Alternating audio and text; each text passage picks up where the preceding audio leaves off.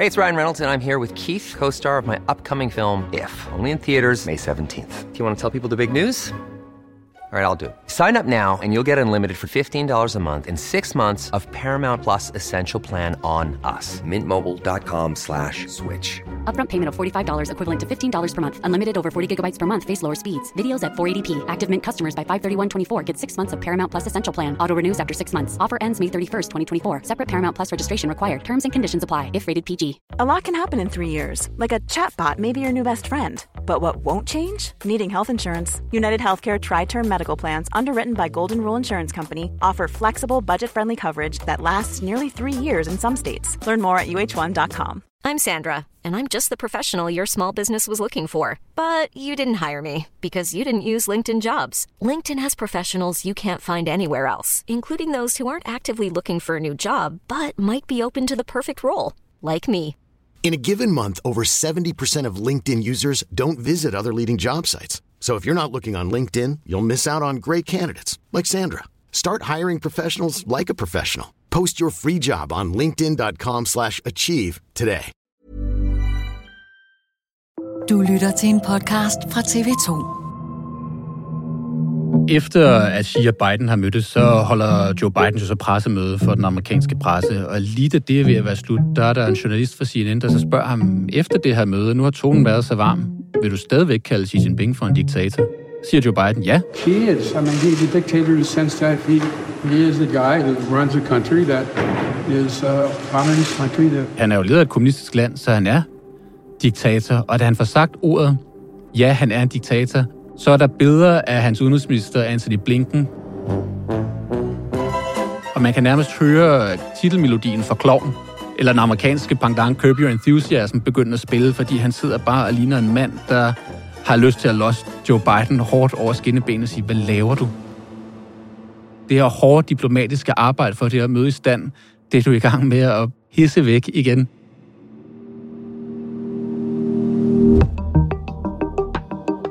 Efter et år med kold luft mellem to af verdens stormagter, mødtes den amerikanske og den kinesiske præsident i sidste uge over en frokost og en gåtur.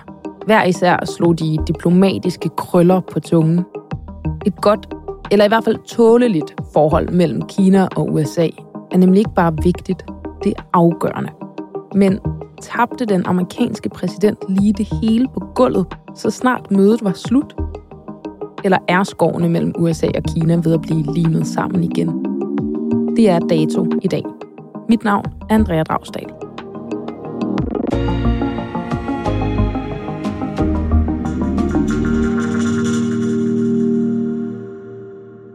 Kasper Wigman, du er TV2's Asien og særligt Kina-korrespondent.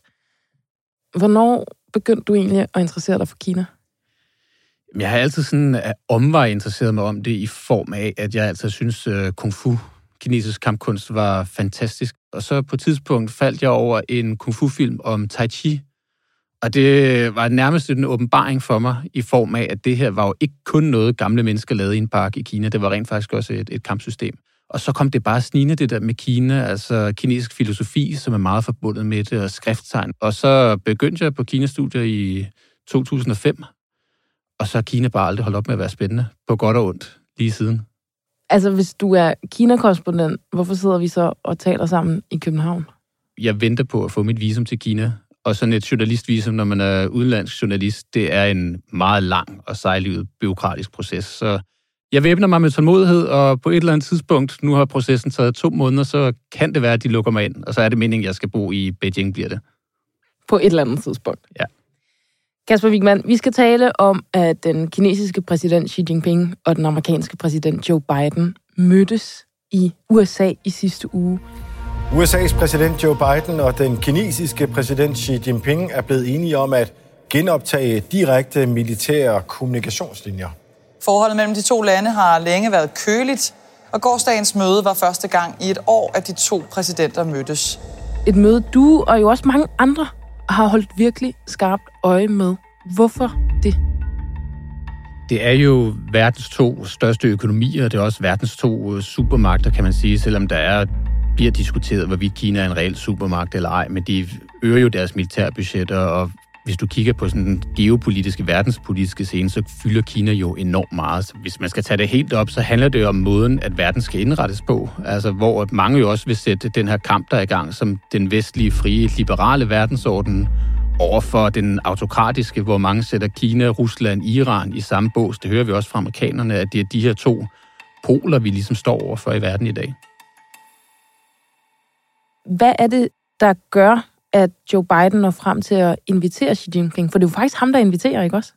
Jo, det er det. Og det er også noget, som kinesiske statsmedier har gjort en dyd ud af at sige, at det her det er på invitation af Joe Biden, for ligesom at vise, at det er amerikanerne, der har mere brug for os, end vi har af dem. Bill Gates har været der, Elon Musk har været der, der har været en lang række besøg, så amerikanerne har ligesom presset hårdt på for at, at genetablere relationen til Kina, få den tilbage på sporet igen. Og kineserne har været lidt vævende, fordi jeg tror heller ikke, de er klar over, hvor har vi egentlig USA? Altså, vil de os gerne, eller er vi deres fjende? Så de har holdt dem lidt i armslængde. Selvfølgelig er der også noget psykologisk politisk spil i det. Men USA har brug for Kina, fordi hvis man skal løse nogle af de problemer, der er, og også den her verdensorden, der ændrer sig, så er man nødt til at kunne tale sammen. Og der har været omkring det sydkinesiske hav og Taiwan-strædet nogle hændelser, hvor amerikanske og kinesiske fly har været tæt på at støde ind i hinanden. Og når man ikke kan ringe til hinanden, og generalerne ikke kan ringe til hinanden, så er der en stor risiko for, at det her måske kan føre til en militær konfrontation eller en konflikt. Og det vil man for alt i verden undgå. Så derfor er det vigtigt, at vi får genetableret det her. Og forholdet mellem Kina og USA har øh, vildt sagt været betændt i mange, mange år, men det er blevet særligt slemt det seneste år. Hvorfor det? Hvad er det, der er sket? Jamen, det er jo det i februar i, i år, i Montana, den amerikanske delstat. Uh, I am sitting in my driveway here in Billings, Montana. Der er der åbenbart en indbygger, der har nogle sindssygt gode øjne. And this thing is up in the sky. Han spotter på himlen sådan, hvad er det? I have no idea what it is. And for those of you who think uh, this might just be the moon, it is not the moon. The moon is off to my right. Og det viser sig så, finder man ud af, at være den her ballon, som så viser sig at være kinesisk, hvor amerikanerne så mener, det er en spionballon. De har så beregnet dens flyvebane, flyver sådan mistænkeligt over en masse amerikanske baser. Kina styler siger, at det er en værballon, der er fløjet ud af kurs. Den kan slet ikke styre. Amerikanerne siger, vi kan se, at den har styringsværktøjer. I lyver. Kineserne siger, at ah, USA har også haft spionballoner over Kina. Så det kører fuldstændig af sporet, og det ender så med, at Joe Biden bliver så presset indrigspolitisk af republikanerne, der vil til at gøre noget for det her, fordi det er jo en kæmpe fornærmelse, at en kinesisk ballon lige pludselig er på amerikansk luftrum. Oh, damn. Stop. They shot. It's going at it right now. Man sætter nogle øh, jetjager i luften, som så skyder det ned et missil, og det synes kineserne jo er en kæmpe overreaktion. Hvad bilder I jer ind? Det er jo bare en værballon. Og så siger de, kan vi vores, få vores teknologi igen? Og amerikanerne sådan, niks. Vi kigger lige på, hvad der er i den her ballon. Hvor de så også går ud og siger, nu har vi undersøgt den, og det er ikke en værballon, det er en spionballon. What? Det benægter Kina så selvfølgelig, og det får bare forholdet mellem de to til at køre fuldstændig af sporet. Men modsat er det også et land, som man har tjent rigtig, rigtig mange penge på, og ligesom også været med til at bidrage til Kinas økonomiske mirakel og økonomiske udvikling. Så USA siger selvfølgelig, at de ikke ser Kina som en trussel, men de ser også Kina som deres største rival. Det hører vi også fra amerikanske politikere og rapporter også fra Pentagon. Så de er store rivaler, der også er dybt afhængige af hinanden stadig i dag. Det er de. De prøver så alt det, de kan at gøre sig så uafhængige af hinanden som overhovedet muligt, men de er stadigvæk tæt forbundet, og det har de også været, altså modsat den kolde krig, og mange siger jo, nu er vi i en ny kold krig, men modsat forholdet mellem Sovjetunionen og USA og, og Vesten, der er Kina og USA og Vesten bare langt tættere økonomisk forbundet. Der er selvfølgelig nogle ting, der minder lidt om den situation, vi havde under den kolde krig. Kan man sige, at ballonen, hvad end den så var, bliver et symbol på den regulære diplomatiske krise, Kina og USA har været i i årtier? Det er i hvert fald altså et, et symptom på, at forholdet er så dårligt, og også øh, at de strømninger, der er mod USA og mod Kina indrigspolitisk, fordi republikanerne så lugtede blod, og en svag præsident, der måske er for blødsøden over for Kina, hvis man ignorerer det her. Og Kina og Kommunistpartiet og Xi Jinping kan heller ikke virke underdanig over for USA. Så det hele er lidt en del i den her rivalisering, som vi ser mellem de to lande. Og det er det, Joe Biden også kan se. Igen også på grund af de problemer, han har, at man har et behov for at lige lægge lidt låg på den her rivalisering, og på en eller anden måde få skabt et slags autoværn, så det her forhold, når de kører ned ad den her geopolitiske motorvej, ikke kører ud i rabatten og kører sporet. Så forholdet har været så slemt, at de ikke engang kan tale sammen i telefon? Ja, og det er jo det er noget, de sagde også ved mødet, at sådan, nu regner vi med, at vi kan have en god tone, at når jeg ringer til dig, så forventer jeg, at den bliver taget med det samme, jeg kommer igennem med det samme. Og sådan har det ikke været det sidste år. Altså, der har ikke været nogen kontakt mellem dem. Og det er jo problematisk, når vi har de her to meget, meget vigtige lande i, i verdenssamfundet, at man kan tale sammen, også om de ting, man er uenig om. Og det var lidt det, der også kom ud fra mødet. As you know, I just concluded several hours the meetings with President Xi, and I believe they were some of the most constructive and productive discussions we've had. For den amerikanske præsident var der særligt et overskyggende emne, han skulle tale med Xi Jinping om. USA's fentanyl-epidemi. Fentanyl chemical ingredients and, and pill presses, which are being shipped without control. And by the way, some of these pills are being inserted in other drugs like cocaine. A lot of people are dying. Ja, nu lykkedes det så. Joe Biden og Xi Jinping, de mødtes i USA, de sad sammen i flere timer. Da de kommer ud til pressen, så siger Joe Biden som noget af det første noget om fentanyl. Hvorfor gør han det? Fentanyl er det her ekstremt vanedannende og skadelige opioid. Altså det er 50 gange stærkere end heroin. Og det er en epidemi, som virkelig, virkelig har ramt USA, især efter corona, hvor at vi også her på TV2 har nogle reportager om det fra, fra Philadelphia især, som er hårdt ramt, også San Francisco, at det er sådan et zombie-lignende mennesker, der er helt væk på det her stof, og det fører til rigtig, rigtig mange dødsfald. Det er et kæmpe problem for USA, og dermed også Joe Biden. Hvad har det med Kina at gøre? Det har det med Kina at gøre, at mange af de her kemikalier, der skal til for at skabe fentanyl, nogle af de her stoffer, man skal bruge, de bliver eksporteret fra Kina til narkokarteller i Mexico, som så færdigbehandler dem og laver den egentlige fentanyl, og så ryger det ind over grænserne til USA. Og det vil Joe Biden gerne have, at Kina forpligter sig mere til at bekæmpe. Og det er nogle virksomheder i Kina, der er ude i nogle af de fjernere regioner, hvor håndhævelsen ikke er lige så streng andre steder. Det en lang række forskellige forretningsenheder, der skjuler sig i, i virksomheder, så det er svært at finde ud af, hvad de gør, og de bruger nogle forsyningskæder, der også er svære at gennemskue. Så der skal større håndhævelse fra de kinesiske myndigheder. Det er også noget af det, Kina nu har forpligtet sig til at vil undersøge, og det har man i hvert fald sagt. Så derfor er det vigtigt for Joe Biden, når nu han nærmer sig en præsidentsvalgskampagne, at han kan sige, jeg kunne sætte mig ned med Kina og prøve at løse det her, fordi hvis vi ikke gør det, så lader Kina bare stå til, og så flyder fentanylen ind over USA. Men fik han så noget ud af det? Altså, Joe Biden siger en masse om, hvad han godt kunne tænke sig, men rykkede Xi Jinping sig overhovedet? Xi Jinping forpligtede sig til at genetablere de militære kommunikationskanaler og slå hårdere ned på fentanyl. Kritikere i USA siger så, det er jo bare det, det er en forpligtelse, det er en hensigtserklæring, vi skal også se noget konkret action. Og det er så det, tiden vil vise, om Kina rent faktisk gør noget ved det her. Og igen er det jo noget, man måske så bare kan tage af bordet, hvis USA så ikke opfører sig i gåseøjne ordentligt, som Kina gerne vil have det. Kan man sige, at Biden har købt sig noget tid, men det er ikke sikkert, at han, han vinder noget som helst sådan konkret substantielt. Det er ikke sikkert, at det bliver bedre. Nej, det kan vi ikke vide, og det siger også alt om, hvor skrøbeligt det her forhold er. Jeg vil sige, at tonen er dog markant anderledes, og det er det også, fordi at Kinas økonomi står et meget vanskeligt sted her efter corona, hvor de er genåbnet. Så Xi Jinping har også behov for at købe sig noget tid. Hvad har de ikke fundet ud af? Hvad er der stadig uh, usagte ting imellem dem? Der er stadigvæk altså hele rivaliseringen. Kina øger sit militærbudget år efter år og styrker militæret teknologisk, og så ser vi jo også bare altså med Rusland, Mellemøsten, at Kina har en helt anden vision for, hvordan verdensordenen den skal indrettes. Og der er det ikke med USA som eneste supermagt. Det er ikke USA, der skal svinge takstokken.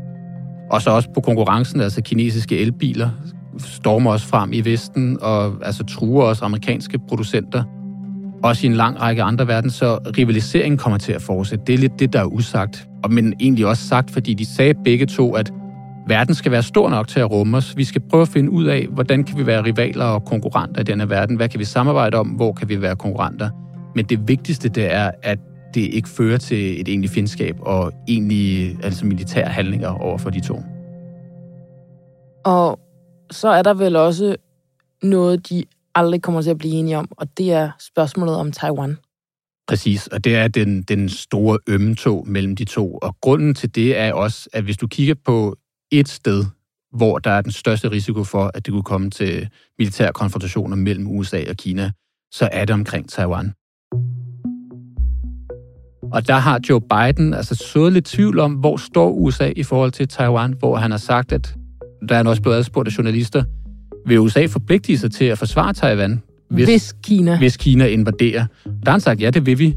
Og det er ikke amerikansk politik over Taiwan. Der har man altid haft den her strategiske tvetydighed, hvor man så tvivl om, hvad USA vil gøre. Og det gør man af to årsager. Et er, at man skal afskrække Kina for at gøre noget, for de ved ikke, om amerikanerne så rykker ind. Og to også for at ligesom forhindre, at Taiwan ikke bare erklærer sig uafhængigt, fordi de ved, at de har USA i ryggen. Men det skaber jo tvivl hos Kina om, hvor har vi USA. Og noget af det, Xi Jinping også sagde, efter de to mødtes ved Bali, det var, spørgsmålet om Taiwan, det er den største og vigtigste røde linje i forholdet mellem USA og Kina. Og det sagde han også ved det her møde. Og han forsikrede også Joe Biden om, at man ikke har nogen hensigt til at invadere Taiwan. At man bruger militæret i, i, sådan, i værste tilfælde, igen hvis Taiwan skulle erklære sig uafhængigt. Men det er et ømt punkt, hvor at USA jo stadigvæk har nogle forpligtelser over for Taiwan, men også hvor der er meget delte meninger i USA blandt eksperter også, hvad Xi Jinping egentlig vil gøre omkring Taiwan. Joe Biden var ikke den eneste Xi Jinping mødtes med i USA. Også erhvervskanoner som Elon Musk og Apple CEO Tim Cook stod på hans balkort. Til middagen med USA's erhvervstop havde Xi Jinping tre taler med i inderlommen. En dundertale, en meget mild tale, og så en, der lå sådan midt imellem. Han valgte den bløde middelvej. Altså gav han forsoningen en chance. Og det blev også tydeligt, da snakken faldt på en sød bambusspisende bjørn. Et af de måske mest fysiske symboler på USA's og Kinas diplomatiske forbindelse. Han vil gerne sende pandaer tilbage til USA, hvor de ellers var ved at være affolket med, med pandaer i de amerikanske zoos, hvor de her legeaftaler var ved at løbe ud. Nu må vi se, om, det, om de får landet en aftale omkring de her nuttede bjørne. Ej, fortæl os det. Altså, hvad sker der med de pandaer der? Der er jo mange af lejeaftalerne i de amerikanske zoologiske haver, som er løbet ud. For nyligt i uh, National Zoo i Washington D.C., der er de blevet sendt hjem, så den eneste zoologiske have i USA, der er panda, det er i Atlanta. They're pretty cute. They're so um, cute. I, I would really miss them. They were so precious. Og den lejeaftale udløber i 2024. Så hvis de ryger hjem, har USA ikke nogen pandaer. Og det her pandadiplomati startede jo efter Nixons besøg i 72 i Kina, hvor man normaliserede forholdet mellem de to, og de blev gode venner, især fordi at Sovjet var den store fjende. Og så har USA haft pandaer lige siden. So what do you think of the pandas in there? Did you see them today? Yeah. And what did you think of them? Uh, they were cute. Så hvis man forestiller en situation, hvor USA slet ikke havde nogen kinesiske pandaer, er det meget, meget sigende for, hvordan forholdet er. Men der har Xi Jinping sagt, jamen jeg hører, at folk er glade for de her pandaer, og børnene godt kan lide dem, og alle sådan nogle ting, så hvis I gerne vil, så kan vi da godt lige genoptage det her. Så han rækker også en olivengren til USA. Så der er meget forsonende toner, og selv efter Joe Biden kaldte Xi en diktator, selvfølgelig går der kinesiske udenrigsministerium ud og kritiserer det og siger, at det er en tåbelig og usand udtalelse. Men udover det gør man ikke rigtig noget. Og det er selvfølgelig også fordi, at vi skal bevare den her gode stemning, som det her møde er etableret. Ellers kunne man sagtens forvente, at de har sagt, ved hvad, det beviser bare igen, at vi ikke kan regne med USA. I siger én ting, og så gør jeg noget andet lige bagefter. Men det har man ikke gjort, og det synes jeg siger meget om villigheden også fra kinesisk side til at få genetableret det her forhold. Hvorfor er det så vigtigt for USA og Kina at få genetableret et forhold, for normaliseret kommunikationen, som Joe Biden kalder det? Hvad er det, der er på spil? Jeg tror, at det vigtigste er, at det ikke fører til militære konfrontationer. At det her rivalisering, den ikke kører fuldstændig af sporet. Så derfor skal man skabe de her altså, sikkerhedslinjer i forholdet, så det ikke fører til egentlige kamphandlinger, hvis nu to fly skulle styre sammen. Eller der sker et eller andet. Det kunne også være i nogle af andre verdens brandpunkter. USA sendte jo også krigsskib til, til Mellemøsten i, i forbindelse med Israels krig mod Hamas. Kina har også nogle krigsskibe i regionen, så det er også ligesom for at vide, hvor har vi hinanden. Et er kommunikation udadtil i medierne, men at man kan ringe til hinanden direkte. At man får aftalt nogle spilleregler for den her rivalisering, som de selvfølgelig godt ved, der er. Altså, de kan jo selvfølgelig lade som om, de har et godt forhold og kan tale med hinanden, men de er stadigvæk altså, kæmpe store rivaler. Men de skal have skabt nogle rammer for det her, så vi ikke bare ignorerer hinanden, så det hele bare sådan kører parallelle spor, men vi ligesom ved, hvor har vi hinanden i det her? Og Xi ved selvfølgelig godt, der kommer et amerikansk præsidentvalg, hvor der måske kan komme en ny præsident, som måske vil noget helt andet end Joe Biden. Men lige på den korte bane køber vi lige noget tid, så vi kan sætte nogle indrigspolitiske rammer for Kina, uden at USA slår os i hovedet gentagende gange. Og hvor galt skal det gå? Hvad skal der til for, at det, de forsøger at etablere lige nu, det bare falder sammen? Jamen ikke særlig meget. Altså igen, der er sgu ikke andet end en spionballon til det. Og der kommer også et meget vigtigt taiwansk præsidentvalg her i, i januar i 2024, som også bliver enormt vigtigt, fordi at det ene parti, øh, DPP, er deres præsidentkandidat, har tidligere udtalt sig positivt omkring taiwansk øh, uafhængighed. Det har han rullet lidt tilbage også nu, men der er Kina også lidt urolig for, hvem vinder der, hvordan er forholdet til USA. Det er bare, at de ikke ved helt, hvor de har USA. Det har de måske fået lidt sikring på nu efter mødet, men hvis USA går ud og siger, fint nok, vi støtter taiwansk uafhængighed, så vil Kina sige, nu står vi i en meget vanskelig situation, nu er vi måske nødt til at gøre et eller andet militært. Hvor meget danner det her også ringe, der får betydning herhjemme i lille Danmark? Det kan man sige, det gør rivalisering allerede, fordi Kina prøver at sige til EU, at de skal ikke gå USA's ærne, altså find jeres egen vej, og vi kan sagtens stadigvæk handle og se os som en, en god partner, men modsat prøver USA altså at sige, I skal altså lige ind i folden, I skal støtte os over for Kina. I NATO-sammenhængen har man jo også et fokus på Kina, så Danmark kan risikere, hvis vi stadigvæk gerne vil være en del af NATO, skal vi være gode venner med USA, at hvis det kom til Taiwan, så siger amerikanerne, okay, kære venner, hvis sider er I på, nu skal I støtte os militært i Taiwan.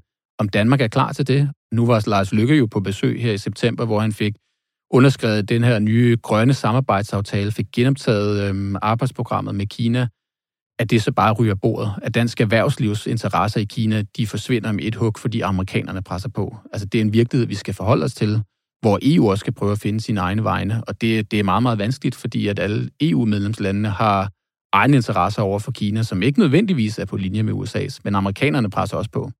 Hvad med vores panda? Får vi lov at beholde den? Det tror jeg. Den aftale startede jo i 2019 og udløber 15 år, så i 2034. Der kan jo ske meget. De kan jo blive gamle, og de kan dø. Øhm, det virker som om, de har ret gode forhold i zoologisk have med arkitekttegnet yin og yang bolig, så jeg tror, at de er der i hvert fald i 2034. Og man så vil forlænge aftalen fra begge sider. Det er jo så det, der bliver spændende at se. Kasper, jeg håber, at næste gang du og jeg skal tale sammen, så er du med på en eller anden telefonlinje fra Kina, og at du har fået dit visum og er flyttet ind i din lejlighed i Beijing. Det håber jeg også. Men med Kina, man skal bare væbne sig med rigtig, rigtig meget tålmodighed. Tak fordi du var øh, med i Dato i dag, Asien og især Kina-korrespondent. Lige om lidt med base fra Beijing. Vi håber. En fornøjelse. Dato i dag var tilrettelagt af Mathias Bundgaard. Lyddesign stod Ida Skovskov og Leo Peter Larsen for. Redaktør er Astrid Louise Jensen, og mit navn er Andrea Dragsdal.